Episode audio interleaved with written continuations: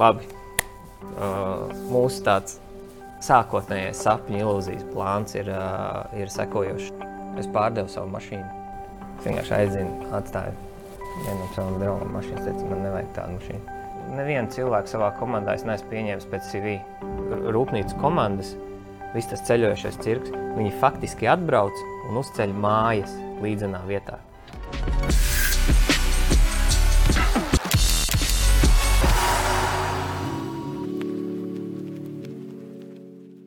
Esiet sveicināti sporta studija aizkulises. Jaunākā epizode bija neliels pārtraukums, un tas, protams, saistīts ar Ziemas Olimpiskajām spēlēm Pekinā. Bet nu, spēles ir noslēgušās, un laiks eh, pievērties arī neolimpiskajiem veidiem, un, eh, protams, benzīnam, benzīna galvām un eh, visam par un ap to. Raimons Strokšērā, events direktors un arī lielo sacensību organizators Latvijā. Sveiks! Čau. Laikam jāsāk ar apsveikumu, vai ne? Kārtējo reizi rīznieki un tavu komandu pierāda, ka pasaules čempionāts rallija ir labākais posms visā seriālā. Jā, Pierasta lieta jau ir. no piecām reizēm uh, mūsu laika periodā, kopš esam organizējuši Rīgas, uh, četras reizes esam dabūjuši šo balvu. Uh, nezinu, kā pierast lieta, nav pierast lieta, bet tā ir tāda mūsu motivācija. Mēs uz to apzināti ejam. Manuprāt, mūs, man ir tāda komanda apkārt, kura, teiksim tā, ja mēs kaut ko darām, uh, Mēs tur neatstājam kaut ko uz rītdienu vai uz vēlāku laiku. Ja mēs varam izdarīt uh, tik, cik mēs labi mākam un tik, cik labi mēs spējam, tā mēs arī to darām un vienkārši to ļoti novērtē. Un, uh, un attiecīgi, laikam, nāk tā balva. Un, un, un, protams, tur, uh, kā, tur varētu gari diskutēt, vai kā tas viss tur ir salicies, bet acīm redzot, nu, Startautiskā automobīļa federācija to atšķirību laikam tik ļoti jūt, ka tāpēc arī mums to balvu pasniedz tā, nu jau ceturto reizi. Un, Jūs protams, esat atklājuši tas... tos cilvēkus, kuriem, pa kuriem labi jāparūpējās, kuri balsoja. tie, tie bija senāki laiki, senāki laiki, tikko mēs sākām ar Eiropas čempionātu, tad tā stratēģija tur bija citreiz tāda, bet nē, nē. Un, un, ja tā ļoti, ļoti godīgi, 2021. gadā šī balva, teiksim tā, nebija mūsu tādā redzeslokā. Mēs par to īsti nesapņojām. Jo 2021. gads mums bija visu kopš 2016. gada, kopš mēs taisām Rīgas. Nu, teiksim, tā visdūlākais, vis, visizaicinājumiem bagātākais gads. Mēs, mēs, protams, gājām, darījām joprojām tik, cik mēs labi mākam un varam, bet uh, balva nebija tā kā nolikta kā tāds, uh, uz ko mēs ejam. Tad, kā izdzīvot. Jā, un tā kā viņi atnāca, tad, protams, tas bija tāds uh, ļoti labs, patīkams pārsteigums. Un tāds, nu, īstenībā ļoti liels paldies visai komandai par to darbu. Jo, uh, Jo tiešām nu, tas 21. gads bija ļoti, nu, es teikšu, tā dūls. Pa, paraksturo visas tās reizes, tā balīti, kur pasniedz tas pasākums, vai ceremonija, kur pasniedz šo balvu. Kas notiek pēc tam? Tu jau esi tur sapazinies ar īstiem cilvēkiem. Tas ir var būt atšķirīgi. Jā.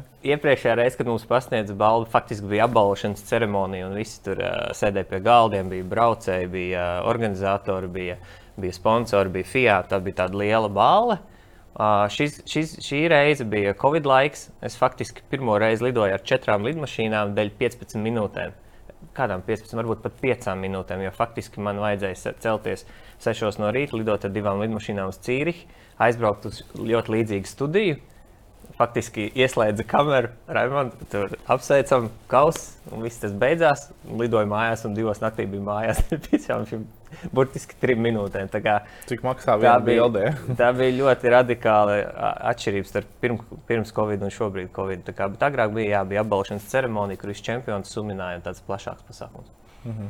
Labi, es domāju, mēs šodien daudz izrunāsim uh, dažādu to burtu kombināciju. Ja? Eriks, VRX. Jā, maz, paskaidrojumu e, vajag, ne sākumā. Jā, bet varbūt sāksim.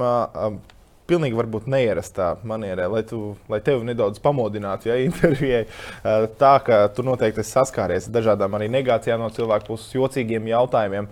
Nu, tad eh, par, eh, par rallija piemēram, kur paliek vecās riepas? Vai tas ir par tām jārūpējas Latvijai?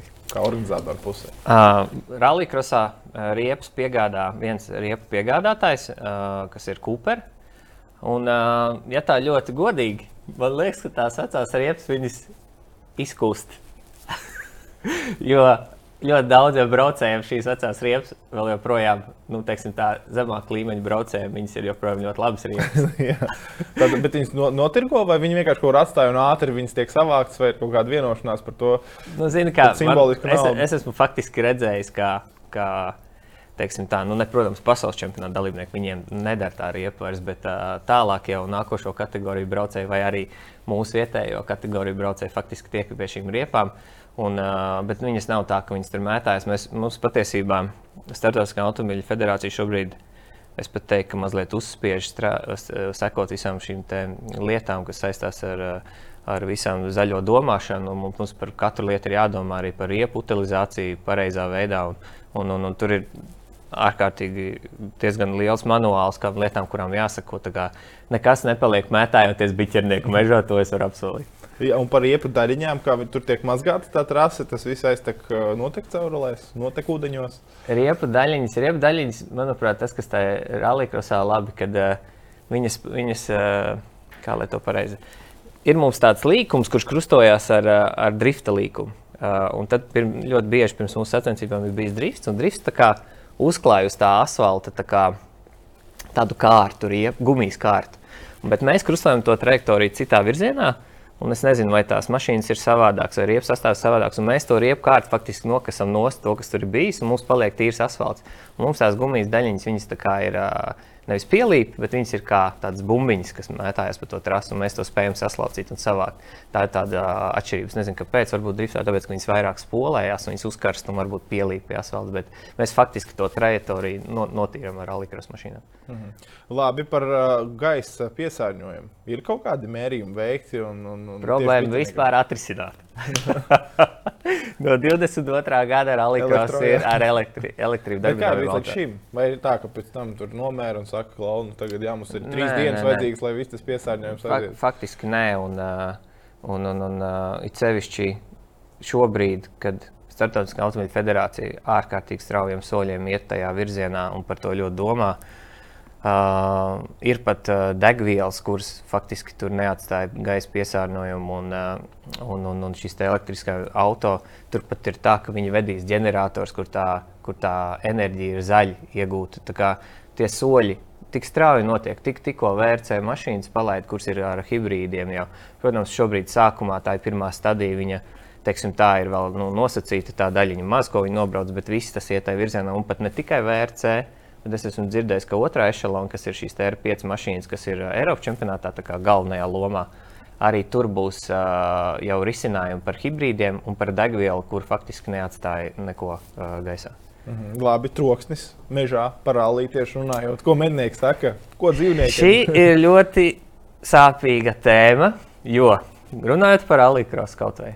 Uh, Mums ir mums, nu, mainās šī ēra, mēs visi ejam uz to elektrību. Un, uh, ir diezgan skaidrs, ka braucējiem būs ārkārtīgi jautri tajā mašīnā. Varbūt jautrāk kā iepriekš. Par braucēju, mums nav jāuztraucās. Televīzijā skatīties to visu, es pieļauju domu saistībā ar to, ka mašīnas būs dinamiskākas. Arī nevajadzētu ļoti mainīties sajūtai, skatoties pa TV. Bet uz vietas, un tas ir lielākais jautājums, šī skaņa. Jo, Nu, tu arī esi bijis rallija superkārs starta moments, un kad viņš tev pabrauc garām, tā skaņa, vibrācija, tas ir, tā ir, tā, tas ir kaut kas neaprakstāms. Un, uh, šobrīd tas viss tiks noņemts. Nav, nav tā nekā, tas viss būs elektrisks. Uh, un, uh, tā ir ļoti liela, liela un sāpīga tēma. Ir, ir cilvēku grupa, kura, kurai faktiski tas liekas ok, un tā ir nākotne. Un, un ir uh, vecās benzīna galvas. var vairāk dzirdēt, Jā. klausīties. Un Nekā... benzīna galvas, kuri saka, ka tas ir vispār kaut kāds nonsens. Tā, kā, tā tāda ļoti ju- juteklīga tēma, par kuru runāt, bet neizbēgam tā ir nākotne. Un, uh, faktiski, faktiski šī gada mūsu rallija sacensība būs labs brīdis, kad to salīdzināt, jo mums būs. Mums būs uh, pasaules čempionāts, kur būs šie elektriskie auto, jaunās, jaunās paudzes, jaunie. Un būs Eiropas čempionāts ar iekšdedzi. un Tad mēs faktiski varēsim acīm redzami saprast realitāti un atšķirību. Jo pasaules čempionāta iepriekšējās mašīnas jau aizies uz Eiropas čempionātu. Faktiski Eiropas čempionātā brauks ar iepriekšējās. Skaņa būs vecā labā. Jā, jā, tā kā mums būs acīm redzami, varēsim salīdzināt. Bet par rallija tieši, jā, par mežiem, kur te veido trases, ir ar medniekiem sadarbība. Ar medniekiem saka, viss ir kārtībā. Mēs saskaņojam ar visiem mednieku kolektīviem šīs, te, šīs te rallija norises. Un, ne, ne, tas tā Dzīvnieki automātiski jau dzird, viņi jau bēg no tās vietas. Pat, faktiski dzīvniekiem rallijā Pat tā ļoti neatceros tādu saskarsmi. Jā. Visticamāk, viņi, viņi to visu dzird un jūt un attālinās no norises vietas. Mm, labi. Uh, un, ja kādam šķūnīts pie netālu no trases, un kāds iekūliņo šķūnītī, kurš par to maksā? Mums ir apdrošināts rallies. rallies ir Tas ir tātad pēc tam piesaka, ka man ir šķūnis.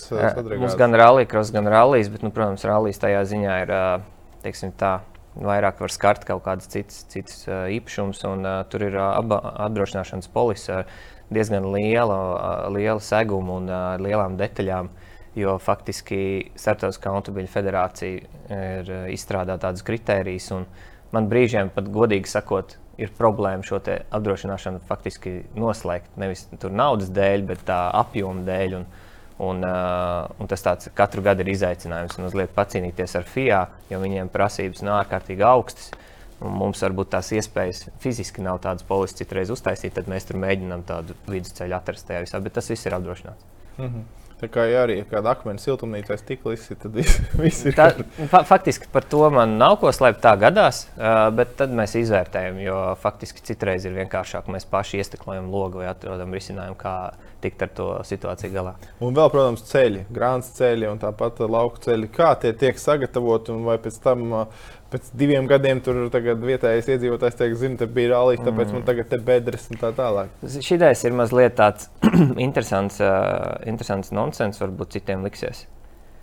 Uh, bet faktiski, ja mēs paņemam, mēs, mēs to darām 12 gadus jau, un, uh, un mēs, to, mēs to redzam un esam izpētījuši. Faktiski tur, kur notiek rallijas, uh, ceļi Tas izklausīsies banāli. Ceļi ir labāki nekā tur, kur mēs nebraucam. Jo pieņemsim, mēs braucam kādā ātrumposmā, un pēc tam izlemjam viņu kādu laiku nebraukt. Tad tas ātrumposms mūsu laikā, kad mēs tur braucām, noteikti bija labāks nekā kad mēs tur nebraucām. Un tam visticamāk ir vairāk iemeslu. Uh, jo tad, kad mēs tur braucam, tie ir mazi ceļi, citreiz uh, mazas nozīmes ceļi, kur varbūt tur vispār nezinu, kad grēders parādās. Bet tad, kad mēs esam ar Alī, mēs tur vairākas reizes pārbraucam ar grēderu pāri. Mēs pievedam grāmatu, mēs kaut kur tur salīdzinām, mēs uh, kaut kādas problēmas vietas pirms Rallī jau sataisām. Faktiski mēs to rūpi par to ceļu turam diezgan, diezgan lieli. Tā ir nu, faktiski tā ir mūsu būtība, tas ir mūsu pamats visam ralliem, un mums ir par to jārūpējas. Un, Bet tas, un, nav, saprotu, tas nav nekas sarežģīts. Tātad tiem ceļiem, kur ir vienkārši, kur nebrauc rallijas, ka varbūt ka tā situācija, ka tu nebrauc pa lielākās lab, nozīmes ceļiem, ka viņi ir tādā kvalitātē, kādā viņi ir īstenībā. Tur nav nekāds lielais darbs jāiegulda. Ja tur pāris reizes grēdē nobrauc. Nē, faktiski darbs ir jāiegulda diezgan liels. Jo, uh, tad, kad brau, tuvojās rallijas un mēs pieņemsim. Uh, mēs zinām, ka tuvojas viss tās iepazīšanās un viss tas pārējais. Tur ir noteikts laika periods, ja mēs gribam kaut ko sataisīt ceļu, vai vienkārši nogrēdēt bedres izlīdzināt, vai kādu ceļu posmu varbūt ir jāuzved grāmatas, tur ir kaut kas izskalojies vai vēl kaut kas. To ir jāizdara pir, krietni pirms rallija, jo tam visam vēl ir jāsasēžās. Tu nevari rallija nedēļā, pirmdienā izsūtīt grēderu cauri. Tas būs šausmas. Viņš vienkārši e, samaisīs to ceļu un pataisīs viņu mīkstu, saliks malas, bortus, un, un tā būs pat faktiski problēma. Tā, kā, tā ir tāda paliela sekošana līdzi. Tad, ko mēs darām vēl rallija laikā, piemēram, rallija norises e, laikā, ir faktiski mēs to ceļu konstanti vērojam. Es viņu izbraucu pirms pirmā ātruma posma, tad es viņu izbraucu, tad, kad pirmo reizi nobraukuši visas sporta mašīnas. Un tad faktiski izbraucu uzreiz pēc, kad beidzās otrā reize tajā ātruma posmā. Un pats personīgi vēl sagaidu, kad atbrauc grēders. Jo rallijas notiek, tas ir koplietošanas ceļš, viņš beidzās. Un tur pieņemsim, vienā taisnā vietā ir nezinu, bedra e, no, no, nezinu, no starta vietas, piemēram, izkasīt tā spūrīt. Ja? Tad, attiecīgi, mums jārēģē, vai mums kāda brīdinājuma zīme jāuzliek, vai vēl kaut ko. Jo nu, faktiski tā teritorija ir ārkārtīgi plaša, un tas, kas ir mūsu, mums jādara, mēs tiešām cenšamies. No, tā ir mūsu viena no prioritātēm. Ir, to ceļu pirmkārt tā maksimāli ātri sagatavot, atpakaļ tādā stadijā, kā viņš bija. Un, ja arī izveidojušās ir kaut kādas situācijas, nu, teiksim, pabrīdināt par to, ka tur ir varbūt bedre vai zīme izlikt, vai vēl kaut ko mums ir daudz sagatavots, visādas zīmes, norādīts, uzmanību, ātruma ierobežojumi, visādas zīmītas. Un mēs mēģinām pabrīdināt to cilvēku. Un tā ceļa sastāvdaļa tieši tas ir, teiksim, tā, tā ir, tas ir pamats veiksmīgai rallija norisei. Mm -hmm. Ok, es domāju, mēs esam iesildījušies sarunā. Tagad sadalīsim šo sarunu trīs daļās.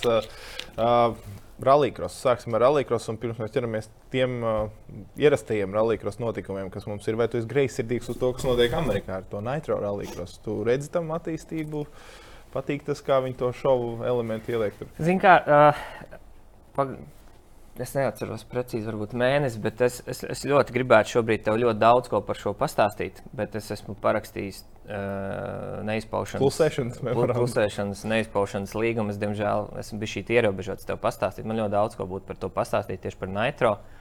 Bet uh, es esmu bijis juridiski ies, iesprostots, un uh, es nevaru to darīt. Kurā pusē tu? Es iesaprotu, tāds uh, Man, man tā vai patīk. Man tā doma patīk, un uh, teiksim tā. Kā lai to pareizi noformulētu? Mēs, mēs ilgi pie tā strādājam, tā, bet uh, vairāk apstākļu dēļ uh, nesagāja mums tas, bet, uh, bet idejiski man, man patīk šis šovs. Uh, tur ir daudz visādi jautājumi un izaicinājumi un Viens no vispārējais. tiem noteikti ir Eiropa. Jautājums ir Eiropa. Jā, jā, Nu, jā. tieši par to drošību, kā, kā Amerikā var Jā, jā. atļauties vairāk, un noteikti Latvijā ir tā, ne Nu, Latvijā, bet vispār Tieši Eiropā. tā, tur ir, tur ir gūzma lietām, bet, nu, kā jau minēju, to sākumā es diemžēl es tur uzliku par, parakstu ap, apakšā. Starp citu, vajadzētu apspriest, cik ilgi tas līgums ir spēkā. Varbūt jau var runāt.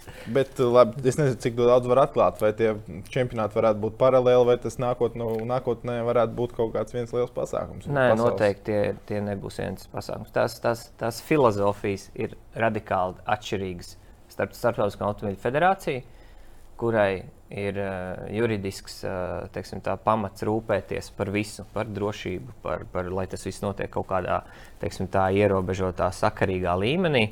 Un uh, Nitro, kur faktiski neviens ne, nepieskata, nu, tu dari, dari, ko gribi, mēs tās trases redzam. Un tā, tā savienošana ar FIA, mm, mēs, es, es tiešām tam neticu tādā pārskatāmā nākotnē. Un, šobrīd Rallycrossam ir ārkārtīgi spēcīgs promotors, kurš, tic man, mūs tur bombardē ar savām idejām, un viņi grib ļoti liels soļus spērt, bet saistībā ar FIA noteikumiem. Un tā ir ļoti liela atšķirība. Tev ir FIA aizmugurē, kur certificē tra trases, kur sūta inspektors, pārbauda visu, un Nitro, kur faktiski dara, ko grib. Ja? Tā, kā, tā ir ļoti liela atšķirība. Tā kā tāda apvienošanās es īstenībā neredzu. Ne. Par jauno promotoru arī pagājušais bija pirmais posms jaunā promotera uh, paspārnē. Jā, kā, kā tavs dzīve mainījās no tā, varbūt noraksturo, kas, kas ir tā komanda, ar kādu piešķīli viņi ir atnākuši. Uh, teiksim tā. Uh, Mums uz to mazliet uz jauno promotoru ir jāskatās plašāk. Uh, Es mēģināšu varbūt īsi paskaidrot, kāpēc. Jo agrāk tas bija VRC, Eir Eiropas čempionātam rallijā bija Eirosports, Rallycrossam bija trešā kompānija. Mēs bijām šajos divos čempionātos, ERC un RX, bijām teiksim, tā, svarīgs spēlētājs. Tad šī kompānija uh, pārņēma visus, ši, šie, šīs visas trīs sastāvdaļas, ir faktiski viena promotora uh, paspārnē. Un uh, Rallycross 2021. gadā bija mūsu faktiski pirmā uh, darba saskarsme ar šo promotoru, kurš mums ir interesants saknē, dēļ VRC. Un, protams, kad lai kāda bija izaicinājums, apsveicināja savu komandu, es teicu, tie, tā cilvēku grupa, tā kompānija, tas mūsu saimnieks, vai sauksim, kā viņi gribam, tie ir tie cilvēki, kuriem mums no pirmā sa- mūsu saskarsmes brīža ir jāparāda, ko mēs Latvijā vispār varam izdarīt. Un, uh, faktiski tas ir viens no iemesliem, kāpēc mēs vispār vēl pagājušajā gadā turpinājām to rallycrossu darīt pie visiem izaicinājumiem, kādi mums pagājušajā gadā bija. Jo mēs, mūsu tā, ultimate goal vai lielais, lielais mērķis ir VRC. Un, uh, mēs darīsim visu, lai viņu pierādītu sevi, parādītu Latviju, lai mēs dabūtu šo visu ceļojošo cirku uz Latviju. Un tāpēc faktiski mums bija laba saskarsme. Un, uh, īstenībā ir viena lieta, kad pagājušajā gadā šis jaunais promotors Rallycross pārņēma ļoti vēlu. Viņi faktiski bija ārkārtīgi ierobežoti laikā, uzbūvēt no tā kaut kādu pasaku, bet viņi jau izdarīja ļoti labu darbu. Televīzijas pārraides bija jaunā, citā kvalitātē. Tas viss aizgāja daudz stundu Ar droniem, satura, ar droniem, ar, ar, ar tiem. Ar tiem, kā viņas pareizi sauc, tos, tos svārstiem, kamerām. Un, respektīvi, viņi jau izdarīja ļoti labu darbu, un šobrīd viņi jau ir sagatavojušies. un Šī sezona būs vēl ar soli uz priekšu. Plus viņi sāk izmantot VRC platformas, VRC kanālus. Un tas viss nu, ļoti teiksim, tā, strauji sāk attīstīties atpakaļ. Pagājušais gads bija, nu, neslēpsim, tāds sapakoties atpakaļ, nostāties uz kājām.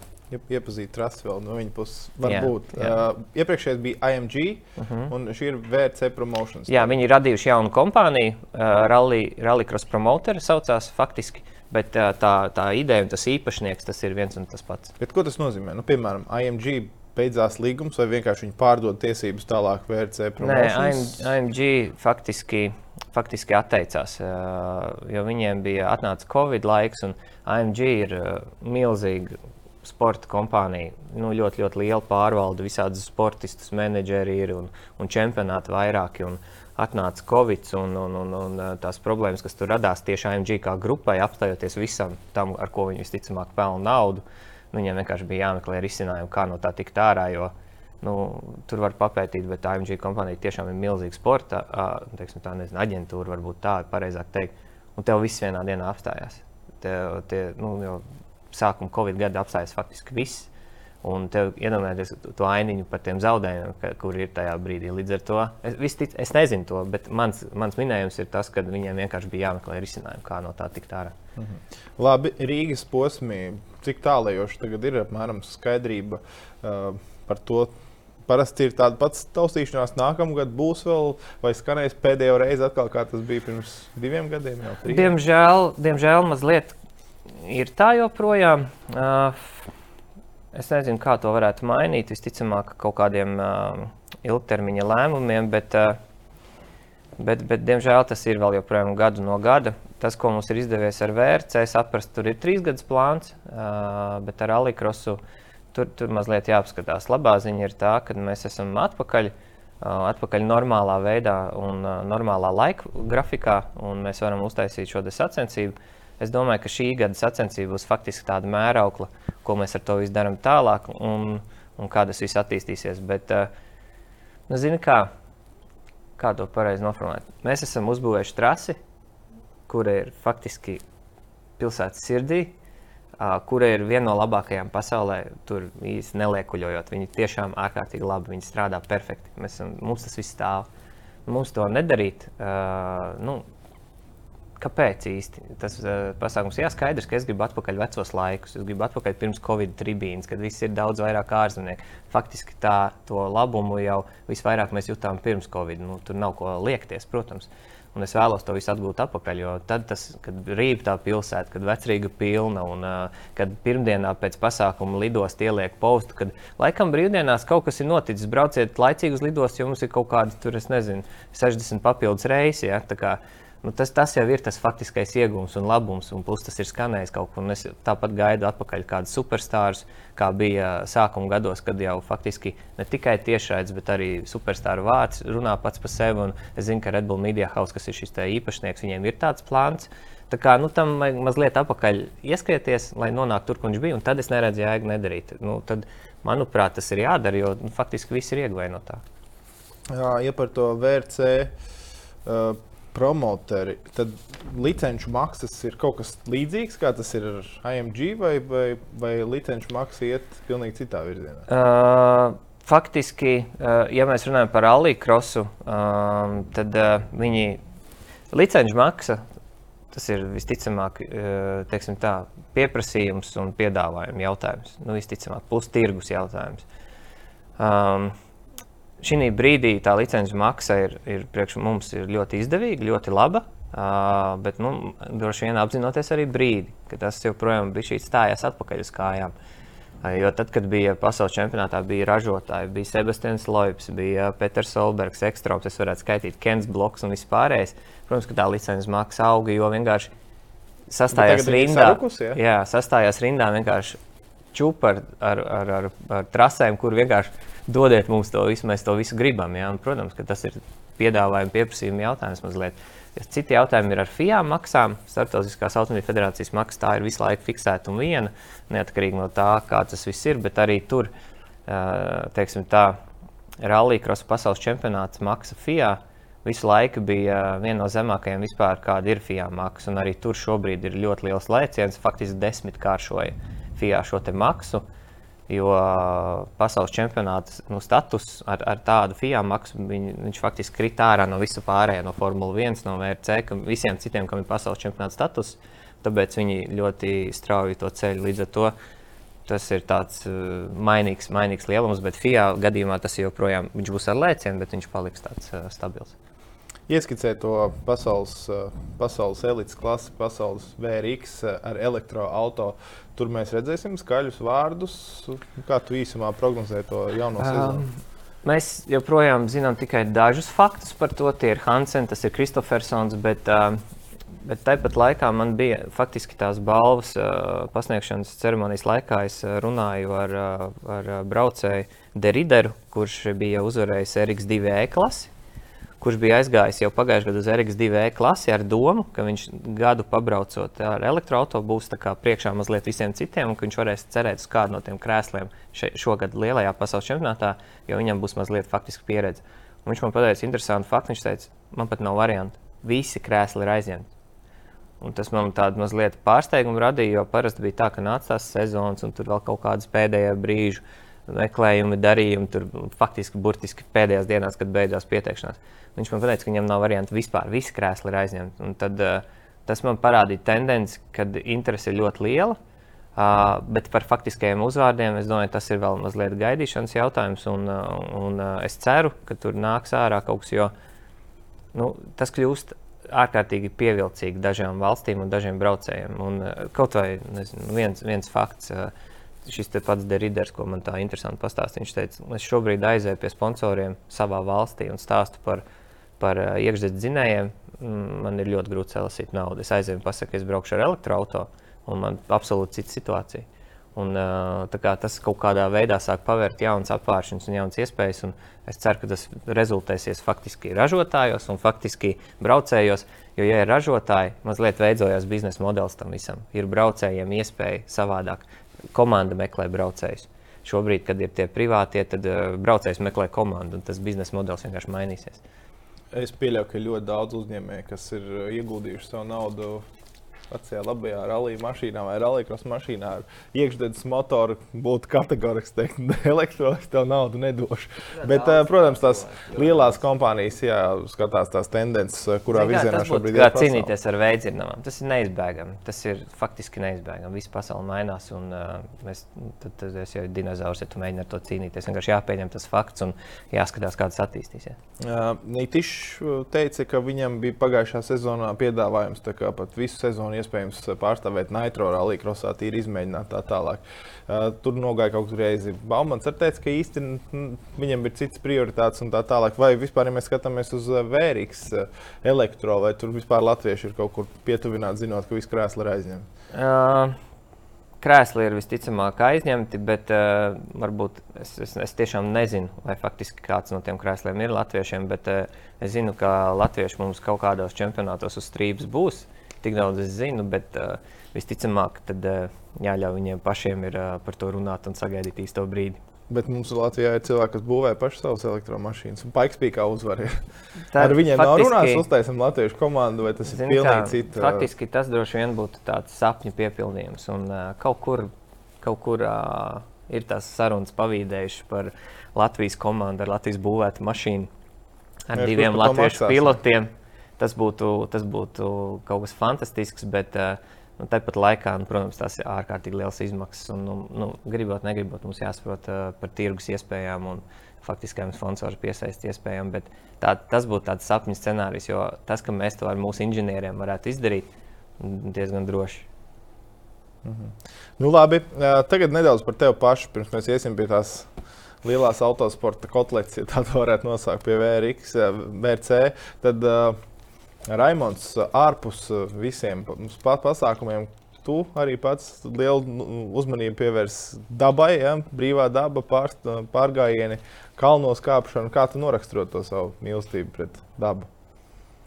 Es ļoti, ļoti daudz cenšos skriet, ļoti daudz, jo man ir tāds atklājums, es to sāku intensīvi darīt. Es vienmēr esmu sportojis, bet pirms uh, es gāju Nepālā pārgājienā, man vajadzēja ļoti sagatavoties, un tad es tā nu, tiešām iedevu gāzīt ar to visu.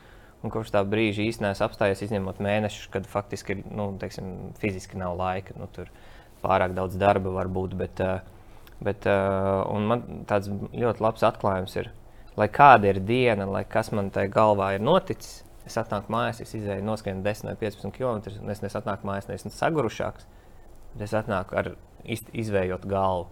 Un faktiski es eju skriet, ne, ne tikai lai kaut kādā sev formā izturētu, bet lai faktiski izvējot savu galvu, kur tajā dienā tur ir tie e-pasti, zvani, viss tās ārprāts, kas tur notiek. Un tas man tāds atklājums, un es, faktiski tā ir tāda, nu, teiksim, tā atpūta man. Iziet paskriet, man ir atpūta. Un es mēģinu atrast to laiku un uh, darīt to. Un, uh, un tā kalnā, kalnā kāpšana, teiksim, tā ir pagājuši divi gadi un Tu četri mēneši. hiking vairāk kā. Jā, tas, tas bija tieši tā nav, hiking. tas nav alpīnisms, kā varbūt kāds Vēl, ir. vēl nē, vēl nē, jo tā bija pirmā reize, kad es faktiski aizgāju. Un es aizgāju uzreiz ar, uz, uz vienu no labākajām vietām, un grūtākajā ceļā, un grūtākajā virzienā, un ar dulāko čalu, ar kādu es vispār varētu aiziet. Eh, Viņš ir, viņš ir vienkārši Ironmans un viņš ir traks. Un, nu, labā ziņā traks. Un, uh, tas, ko es divu gadu un četru mēnešu pagājuši, es joprojām neesmu atgājis no tā ceļojuma. Tas ir mans dzīves labākais ceļojums, bijis pārdzīvojis ziņā. kā es-? Jā, kā es pats esmu transformējies, kā mainījās mana domāšana, vērtības, viss, viss, un tas man joprojām manī dzīvo iekšā. Un, uh, es noteikti tieši atpakaļ, un es pie pirmās iespējas uh, kāpšu vēl kaut kur. un Tas bija, tas bija hikings, ļoti grūts, bet uh, visticamāk, es nākamajā reizē arī mēģināšu kādā virsotnē uzkāpt. Jau. Bet ko tu atklāji par sevi? Vai kaut kādas trūkumus? Nu, vai man mazliet bail, ka mums laika pietrūks, jo tā saruna, ja es sāku par to kalnu runāt, man tas, man tas ir tā eh, palicis, ka es, es varētu sākt izplūst ļoti garā sarunā ar tevi par to. Jo tas, ko tu faktiski tur dabū, tā ir absolūti cita pasaule.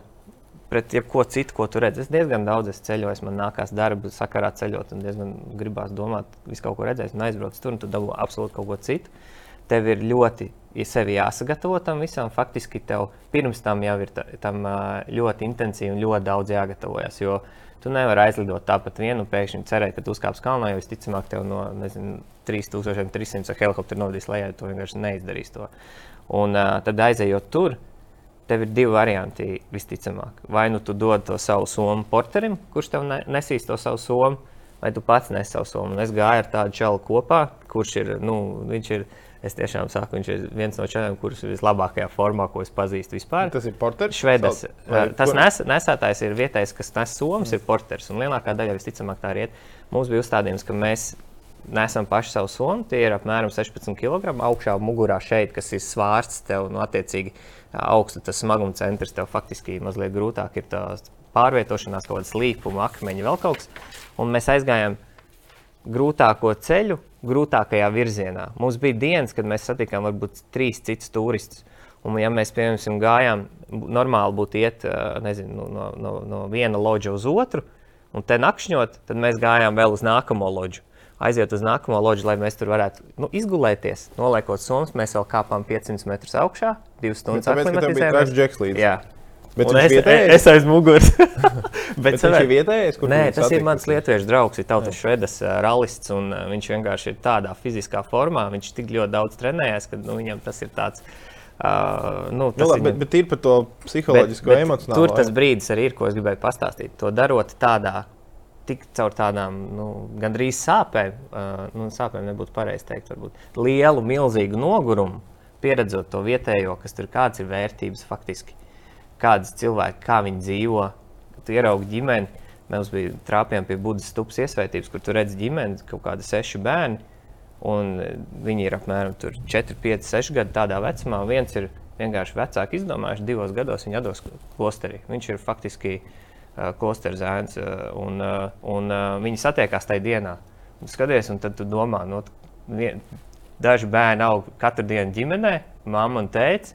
Daži bērni ir nošķirti un aug uh, klosterī. Viņi satiekās vienreiz vai divreiz gadā, tur paspēlējās ar akmentiņiem, jo nekā cita īsti nav apkārt. Un tad tu ej tālāk, un kā tie bērni, tur, ar ko viņi spēlējās, kas viņiem ir faktiski tikai pieejams tajā kalnā, tur dzīvojot. Viņiem nav tur viss tas, kas mums šobrīd ir ikdienā. Viņiem vi vispār nekā no tā nav. Viņi spēlējās faktiski ar akmentiņiem. Un tad tu ej to visu, to skaties, tos cilvēku vērtības, tie ir tā, tā šverps mājā. Viņš ielā, ie- iesauc tevi savā mājā un izrāda to māju, kā viņš dzīvo.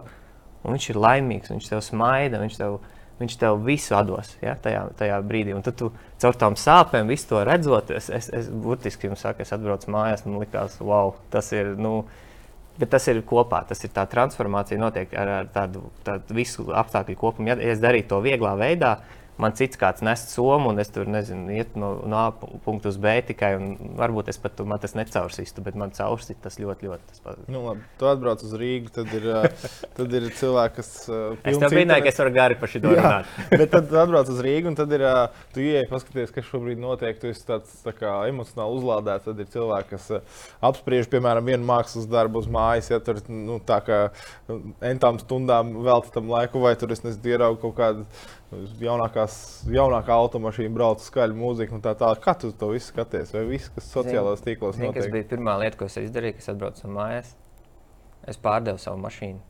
Es vienkārši aizdzinu, atstāju vienam savam draugam mašīnu. Es teicu, man nevajag tādu mašīnu. Pirmā lieta, ko es izdarīju. Kas tev bija?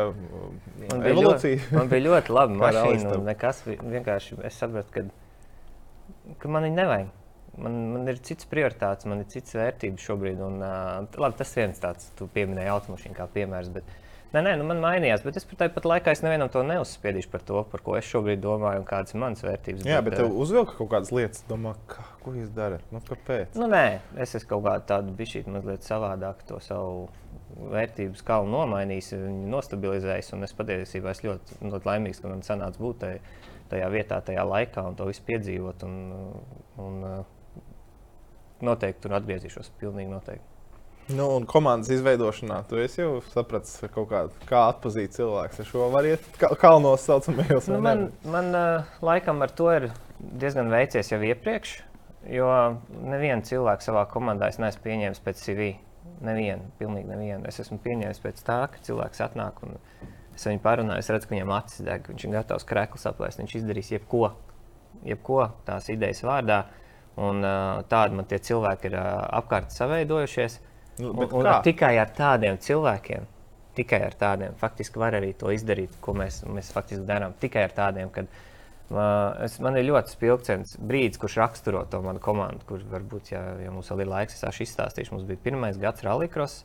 Mēs esam strādājuši divus ar pus gadus. Pienāk piekdienas vakars, kaut kāda pulkstenis, nezinu, septiņu vakarā, un astoņos no rīta ir jāvērās vārtiem vaļā. Pirmo reizi uz pasaules čempionātu. Un mēs ar Aivu Pelšu apbraukājuši objektu, objektu saprotam, ka, lai tas viss būtu perfekti, mums ir 70 punktu stāvfelis. 70. Sasaucam tos savus 30, 40 cilvēkus. Es ar varu kaut kādus 3, 4 cilvēkus aizdzinu mājās. Viņi negribēja braukt mājās, bet es viņiem teicu, teicu man te vajag rīt no rīta ar skaidru galvu, lai vispār kāds var lēmumus pieņemt. Mēs visi tie cilvēki, visi nakti Es, es faktiski gulēju tajā naktī desmit minūtes, un tā darīja vēl visticamāk lielākā daļa no tiem 30, 40 cilvēkiem. Mēs visus tos punktus novērsām. Nākamā rītā atvērās vārti, un tas pasākums vienkārši bija līdz stīgai. Perfekts. Un, uh, kāpēc mēs uzreiz to pirmo balvu arī dabūjām? Tāpēc, ka tie cilvēki ir tādi, viņiem neinteresē kaut kāds pusizdarīts darbs. Mums tādu vispār neinteresē. Ja banerīts ir šķīps, šitāds, mēs visticamāk atradīsim veidu, kā viņu iztaisot, lai viņš smuki izskatās. Labi, tas kā piemērs, bet uh, Bet, un, un tādi, tādiem cilvēkiem jau arī var tikai tos kalnus gāzt. Nu, nu, bet, bet mēs zinām, kāda ir latvieši. Nu, vairāk vai mazāk atnācis pie Raimonda vai uz jebkuru darbu interviju, tad būs sākumā gana kautrīgs un kluss. Nu, visticamāk, tur ir vienkārši jābūt tai sajūtai, lai Labi. saprastu. Vai... Kā viņam tās acis deg, nebūtu nu, viņš pirmā reize to saka. Nākamais piemērs. Burtiski tikko svaigs, jauna, jauna meitene sāk pie mums strādāt. Es biju uzstājies pirms diviem gadiem Siguldā, laikam, kaut kādā, neatceros, pasākumā, kur bija daudz studentu. Viņi divus gadus man medīja. Viņa divus gadus man raksta, vai nav kādas iespējas pie jums kaut ko darīt, vai nav kaut ko, vai nav kaut ko, vai nav kaut ko. Un man visu laiku nebija iespējas, un es tikai saku, ka nē, nē, nē. Un tad vienā brīdī mums parādījās VRC apvārsnes, un es sapratu, ka tajā brīdī mums vajadzēs. Nu, nebūs īsti variants, mums vajadzēs jauns cilvēks. Es viņai pateicu, iepilnēju, ka varbūt vajadzēs. Un tad viņa atnāca pie manis uz sarunu. Viņa saka, Raimond, kopš tā tava kad tu man pateici, ka varbūt vajadzēs. Es katru vakaru skatījos ziņas, vai nav kaut kāda jaunuma, un katru gadu vakaru turēju īkšķi, lai, ja, lai jums aiziet, lai es varētu nākt pie jums.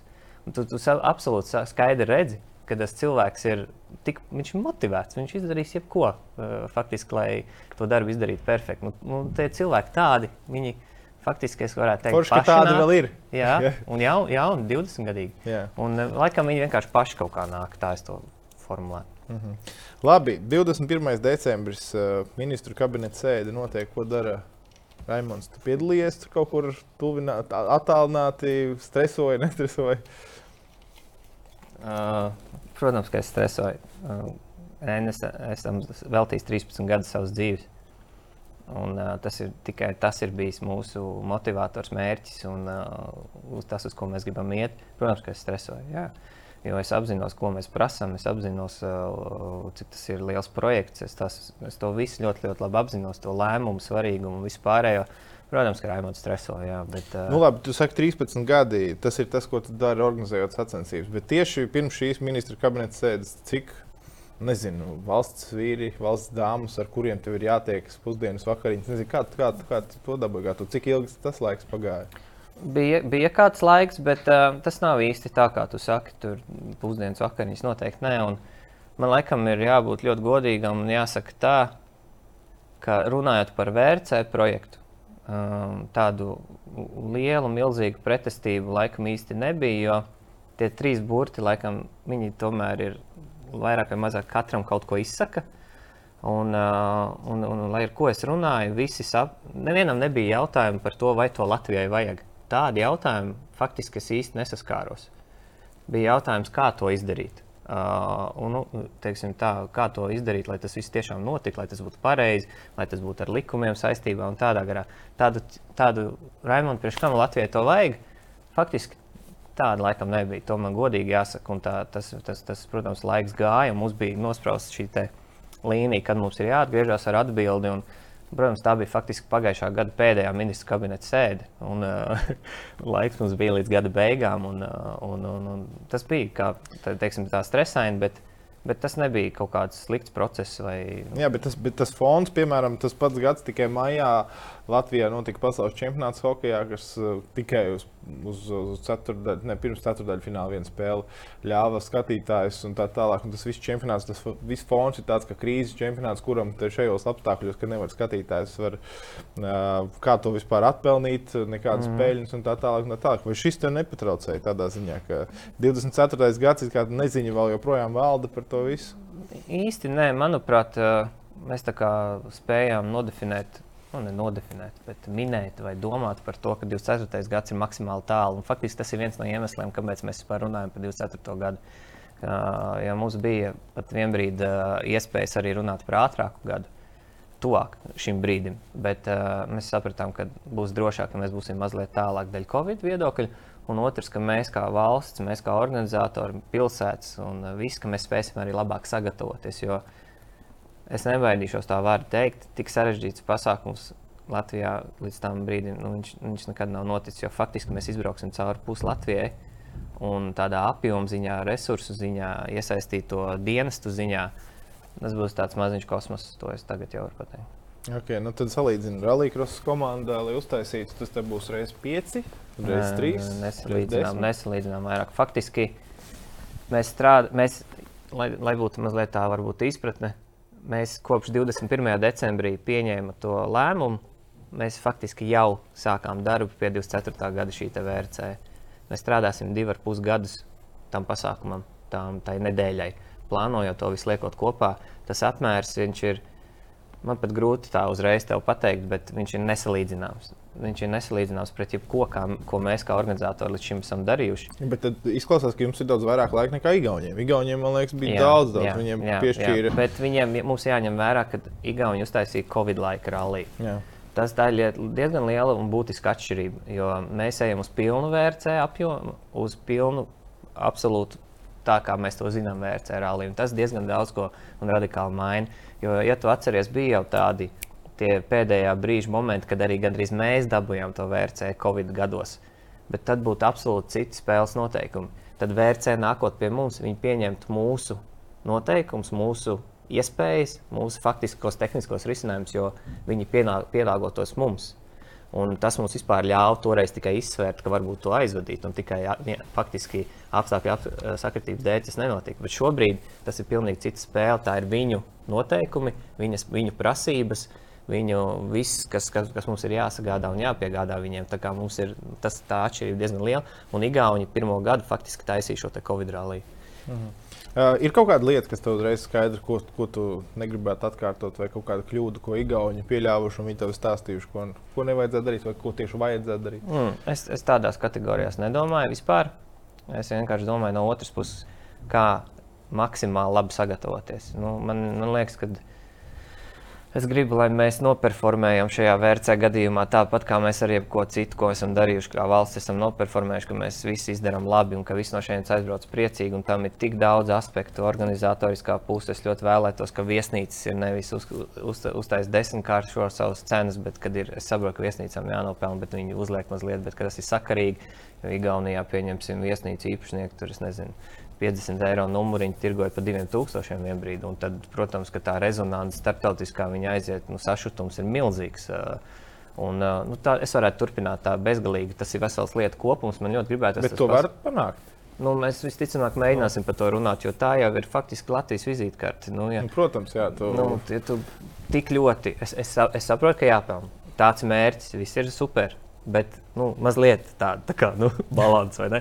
Jo, tā būs visticamāk saruna. Jo, ja, ja mēs mūsu pusē centīsimies Latvijas vārdu pacelt ļoti augstu, un būs otra puse, kur vienkārši nu, nesamērīgi teiksim, tā, mēģinās to, to, to, no tā visa izgriezt, to citronu, tad tā rezonance jau par Latviju ir tāda. Tā kā, nu, tas tāds, es varētu bezgalīgi par šo runāt. To, to pozīciju šāda rakstura ir ļoti daudz, bet ideja ir tāda, ka, lai tas pasākums notiek un notiek maksimāli kvalitatīvi un lai rezonance par Latviju, kur būs milzīga, lai viņi aiziet maksimāli pozitīvi. Mm -hmm. uh, varbūt kādam nav skaidrības. Mēs tā, tā ieskicējām, kā jūs zināt, jā, tad, tad pasaules rallija čempionāta posms Latvijā. Pāris jautājumu no skatītājiem, kas Instagramā, vai daļa posma varētu būt Rīgā? Kā pilsētas dops? Vai? Uh, labi. Uh, mūsu tāds sākotnējais sapņu ilūzijas plāns ir, uh, ir sekojošs, kad, uh, kad mēs ļoti vēlētos uh, sākt to visu. Bet es, man jāpiebilst, ka tas ir plāns. Ja? Tas nav, nav, nav nodefinēts, bet tā ir tāda sapņu, sapņu plāns, ka mēs varētu uh, ceturtdienā pie brīvības pieminiekļa izveikt milzīgu rallija atklāšanu. Mēs aizbrauktu visticamāk uz biķerniekiem, uztaisītu superspeciālo vienu vai divus ātrumu posmus uh, tepat Rīgā. Uh, un tā būtu sacensība pirmā diena, tad uh, tas vēlamais scenārijs, kad mēs tad otrā diena mēs braucam projām uh, Tukums, uh, Tālsi un mums servis parks ir kaut kur uh, Liepājas pusē. Tāda ir otrā diena, trešā diena ir uh, Kuldīgas gals, Liepājas gals. Ceturtā diena ir viss Liepājā ar power stage, kas iet globāli un vispārējais ir Liepāja. Un pasniedzam kausus, mēs faktiski apbalvojam visus Liepājā. Uh, Tad mēs paņemam uh, Latvijas karti, tad mēs faktiski izbraucam cauri visai, uh, visai nu, skatoties kartes kreisai pusē. Tas ir sapņu scenārijs. Protams, tam ir ļoti daudz. Vēl šobrīd darbi jāizdara. Mums ir jānovienojas ar pilsētām, mums ir jānovienojas ar ceļu īpašniekiem, ar, uh, ar partneriem, ar veselu rindu darbu. Bet... Bet kāpēc uh, rietumu nosacīt? Tāpēc, ka visi liepais rallija, Eiropas čempionāts, tu jau iepazīsti visu to vidi. Protams, mēs zinām katru katru ceļu posmu. Mm, Bija šī varbūt samuldējos tikko, ne katru. Mēs, to, ko mēs nezinām, mums ir plāns to izmēģināt 23. gadā. Mēs faktiski esam uzzīmējuši 20... Eiropas rallija posmā. Jā, jā. Mēs esam uzzīmējuši 24. gada plānu. Mēs pusi izmēģināsim šogad. Otru pusi mēs izmēģināsim 23. gadā. To, ko mēs vēl nu, teiksim, tā, mazliet vājāk zinām. Un tā ideja ir tāda, ka aiziet uz 24. gadu, mēs zinām katru pļāvu, katru īpašnieku, katru ceļu posmu, cik viņš var mašīnas turēt, vai viņš tur vajag varbūt mazliet remontīt, lai viņš labāks būtu. Tā plāna ir aiziet uz 24. gadu, zinot maksimāli daudz, lai tas, tā, tā, tas, tā, tas apjoms tajā 24. gadā, nu, ja mēs reiķinamies uz 50,000 skatītājiem, tur jau ir jāsāk domāt tādās kategorijās par, par tām pļāvām, kur viņi stāv, ko viņi izbradā, kā viņi faktiski ir aizbrauks uz turieni, jo tas mašīnu daudzums mēs nedrīkstam nosprost to ceļu. Lai sportists vispār tiktu fiziski līdz tam dopam, līdz ātrumposam. Tā, tā plānošana viņa ir viņa milzīga, un viņa faktiski ir sākusies. Nu, labi, es tev zvanu, man tur klausies, mājas aizpūtas pusē, labs ceļš. Es tur arī viesu mājas uztaisīju. Tur nevar vienu posmiņu gar mani tieši. Par viesu mājām, par viesu mājām. No, ja mēs nozīmējam pie Rīgas šādu strīpu uz leju pa to kreiso pusi, nu, pilnīgi noteikti nevajag uztraukties. Es, nu, viss tas būs aizpildīts līdz, līdz, līdz pēdējiem paksim. Un, un es domāju, tur pat vairāk tur būs jādomā par kempingiem, par vēl papildus iespējām. Jo VRC rallija atšķirība no varbūt VRC un visiem pārējiem nacionālajiem čempionātiem ir, ka, ja tu aizbrauc uz VRC rallija kā skatītājs, tad tev no rīta braukt 80 līdz 100 km uz ātrumu posmu, tad tu par to nediskutē. Tur labi, slikti, patīk, Kur, nepatīk. Jā, tur izdomā vienkārši, kurš stūrēs, un tu vienkārši brauc. Tu, Jā. un līdz ar to tas apjoms, kur, būs jā, kur cilvēkiem būs jādzīvo, ja mēs saskaitām gultas vietas fiziski, kur zemē, tad nu, nu, mēs redzam, ka tas būs izaicinājums. Nu, jā, protams, tas to, to, to ir pierādījis kaut vai tāpat Lietpā ar festivāliem. Jā, kad uzstājas festivāli, ka tur īstenībā nav kur palikt, kad cilvēki jau savus dzīvokļus izīrē. Um, Rallijā noteikti tas saskārušies līdzīgi, līdzīgām situācijām, lai izguldītu visu. Faktiski šobrīd jau uz ērce rallija jau ir problēma dabūt uh, naktsmītni. Bet risinājumu kaut kādu, Jā, kemperi, ko mēs- uztais. Mēs, mēs, strādāsim ļoti pie risinājumiem ar, ar, ar skatītājiem, ar kempingiem. Ar, nezinu, mēs vienu gadu tur pat izskatījām tās prāmi iespējas. Un, protams, ka tam būs jāmeklē maksimāli labi risinājumi. Nu, Es ar Krišjānu Caunu parunāju, jo es nekad neesmu bijis arī Somijā, Zviedrijas rallijā. un Es teicu, cik daudz ir tādi, kas ir piknika līdzjutēji, kas ar teltīs paliek mm. vai aizbrauc ar kemperi, atstāja un trīs dienas tur uh, kārtīgi nobalējās un tā tālāk. Un vairāk vai mazāk ir vienā vietā. Un cik daudz ir tādu, kas tiešām braukā un viesnīcās. Kā prognozē no šiem 50 tūkstošiem, kas liela daļa noteikti varētu būt Latvijas līdzjutēji. Bet, uh, nu, Kāda būs tas sadalījums? 50 uz 50, tāda, kur būs gatava arī teltīs gulēt, vai tomēr Domāju, tie jā, tā ir tāda kultūra. Un, uh, mums tam ir jāsagatavojas, mums jāiedod tā vieta, kur viņi var to telpu uzcelt. Bet uh, faktiski, faktiski jā, tā, to mēs sagaidām diezgan lielā apmērā. Un, uh, Nu, tā ir vienkārši teritorija, kā pie pozitīvas festivāla, kur Nu. tev ir vieta, vai tev tur būs arī skatuve, kur viņiem visiem izklaidēties Ā. visu nakti. vai- Tas ir tik- būtība ir mazliet sarežģītāka nekā festivāla uztaisīt, jo viņš visu laiku pārvietojas. Tev jau īsti nav tā viena vieta, kur to skatu uzbūvēt. Tu vienbrīd esi te, tu vienbrīd esi te, tu esi te, tu te, tad tai skatu vai būtu jāskrien vienkārši šitā tevis apkārt. Bet, eh, Nu, atceries, radio SVH sen apakaļ bija furgons. Liels. Bet tās dienas, sporta dienas, viņas ir tik intensīvas un tik piesātinātas, ka uh, kad tur tāpat tās tiem fanam ir uh, ko noskrieties. Jau. Okay, tagad par uh, naudu. Pareizi saskaitīja kopā nepilnīgi 3 miljonu eiro no, no valsts. Ja tu šobrīd. skaiti visus gadus kopā, jā, Jā, tad, jā, šo tad divi 300 komats, tagad, uh, če- 400 tūkstoši nākamgad. Tas ir licences maksājums, plus vēl ah, nu jā, 100 tūkstoši vēl ir organizatoriskās izmaksas VRC posma sagatavošanai jau šobrīd. Nē, tas, tas nav iedots mums. Tā, tāda nav. Tas, tā, bet tas bija plānots. jā, Mēs, ka- mēs, mēs lūdzām, jo faktiski, kā jau minēju, tā sagatavošanās darbi viņi jau ir sākušies. Viņi jau sākās tam 24. gadam, un faktiski ar 24. gada teiksim, tā, ienākuma pozīcijas viņas jau tad tikai sāksies, bet darbs mēs sākam tagad. Un, uh, mēs, mēs, mēs tā kā lūdzām to. Tā, tā, tā ir pozīcija, ko mums neiedēva. Labi, um, tad, tad nepilnīgi 3 miljoni eiro tāpat vai 2.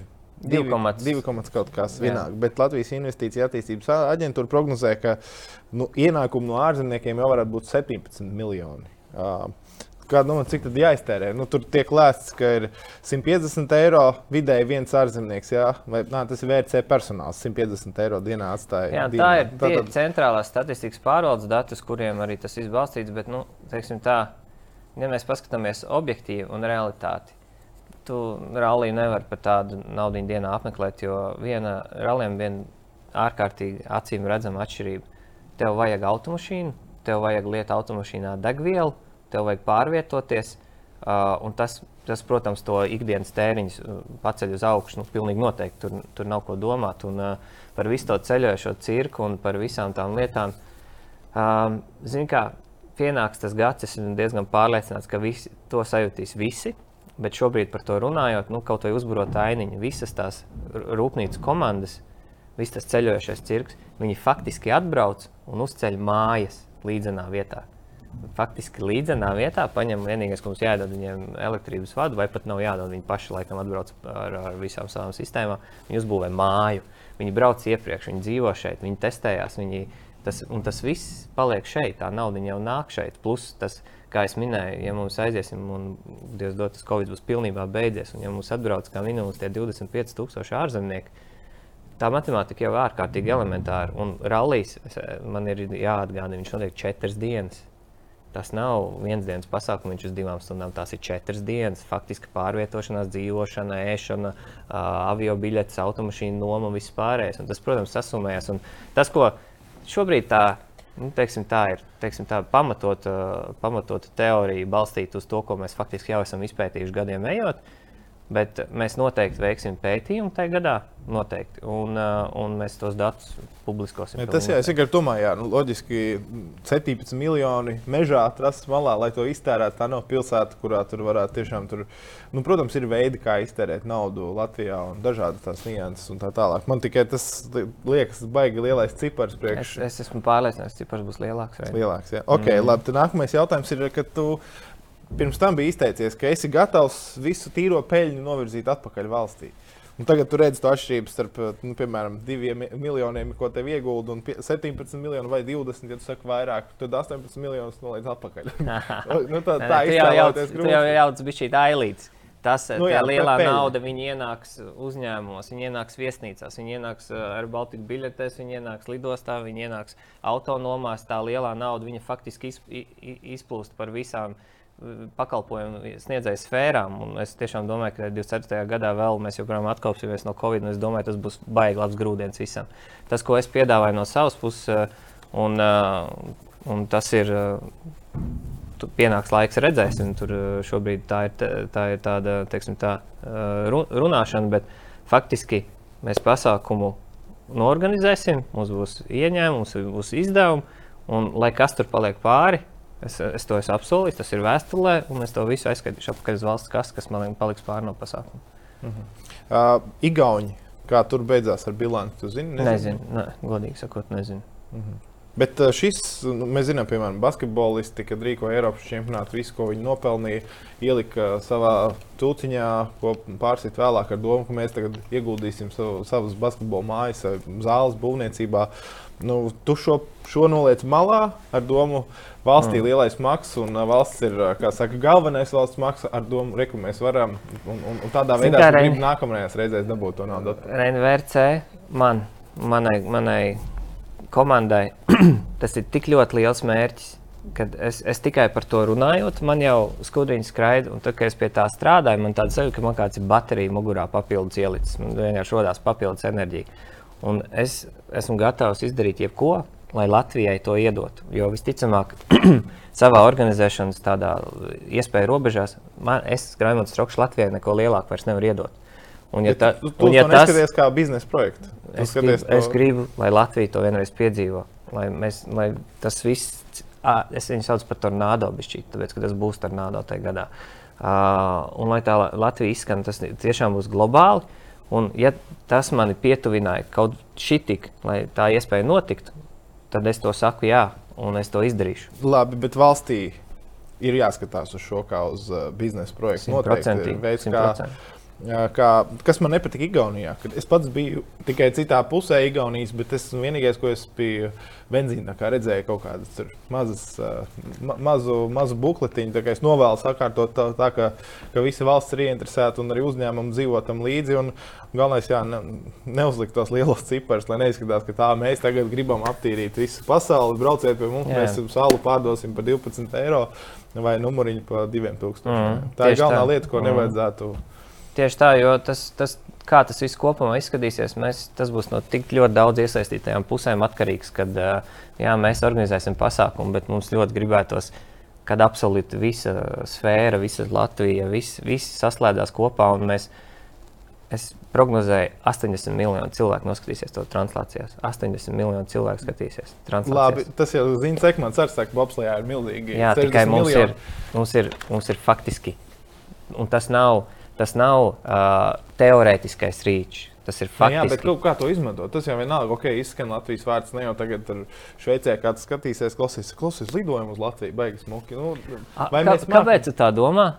Kāpēc tā daļa, domā? Jā, protams. mēs e, gadiem ejot, šobrīd, gadiem ejot, ja mēs tā pastāmies turismu sfēras kopējo ciparu, ok, Covid viss iedragāja, jā, bet pirms tam konstanti Latvijas apmeklējums, turistu apmeklējums uz Latviju konstanti auga. Kā, kāpēc? Kāpēc viņš aug? Tāpēc, ka Rīga ir brands un Latvija. Nu, un, un mēs, mēs, mums nevajag izņemt no segmenta ārā ralliju vai nezinu, volejbolu vai vēl kaut ko. Tas ir lietu kopums. Jo vairāk mēs to Latviju liekam uz tās kartes globāli, jo vairāk cilvēku šeit arī atbrauks. Un tas nav viens, viena sporta veida vai nezinu, viena pasākuma nopelns. Tas ir konstants. Mēs desmit gadus Eirosportā bijām ar Aliju Liepāju, desmit gadus Eirosportā katru reizi 10 līdz 30 miljonu auditoriju. Tā, ja kāds tad atliek 0,01 vai 0,001% kādreiz izdomāt, hmm, varbūt vajadzētu aizbraukt uz Latviju. Un tas jau ir nenormāls cipars. Līdz ar to tas ir lietu kopums, un es, es tam ticu. Es personīgi tam ticu, ka ar basketbolu, ar, ar volejbolu, ar ralliju, ar visu to liekot Latviju tur, tur, tur uz kartes, tas noteikti veicina turismu. Es esmu pilnīgi pārliecināts par to. Paldies, ka atnācāt. Mums laiks ir beidzies. Es novēlu tev tās skudriņas vēl, lai tā baterija ir visu laiku un tās skudriņas skrien. Un 24. gadā var uztaisīt kārtīgi tornado, ja kā tu minēji. Jā.